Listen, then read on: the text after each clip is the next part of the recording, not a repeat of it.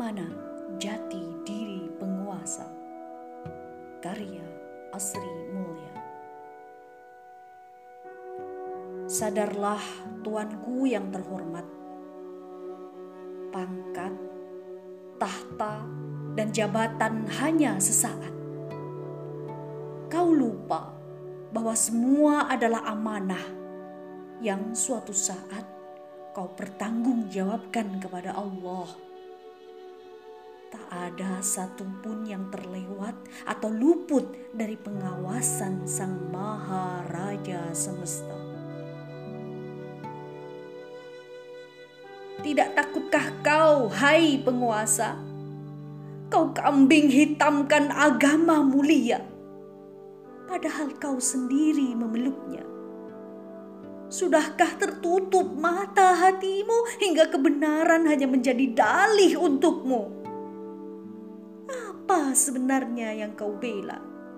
Karena yang hak tidak bisa kau terima. Sadarlah tuanku yang terhormat. Sebegitu bencinya kau pada agamamu sendiri hingga selalu kau cari celah salah terhadap penjaga agamanya. Kau tahu, salah. Semua hanya dalih semata demi pembenaran dan kepentingan agar kau mencapai tujuan. Lihatlah, jatuh sudah citra alim ulama Tak ada rasa hormat, bahkan sikap tak bermoral yang kau hadiahkan. Padahal mereka telah berkorban membela negara untuk rakyat. Tanggap terhadap bencana yang menimpa di dalam negeri.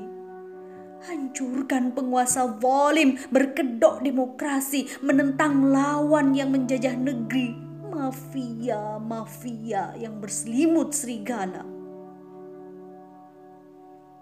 Tuan yang terhormat, siapa lawan? Siapa kawan? Sungguh kau lupa memposisikan. Kau tak kenal lawan hingga mereka menjadi teman. Kau tak kenal kawan hingga ulama kau jadikan lawan.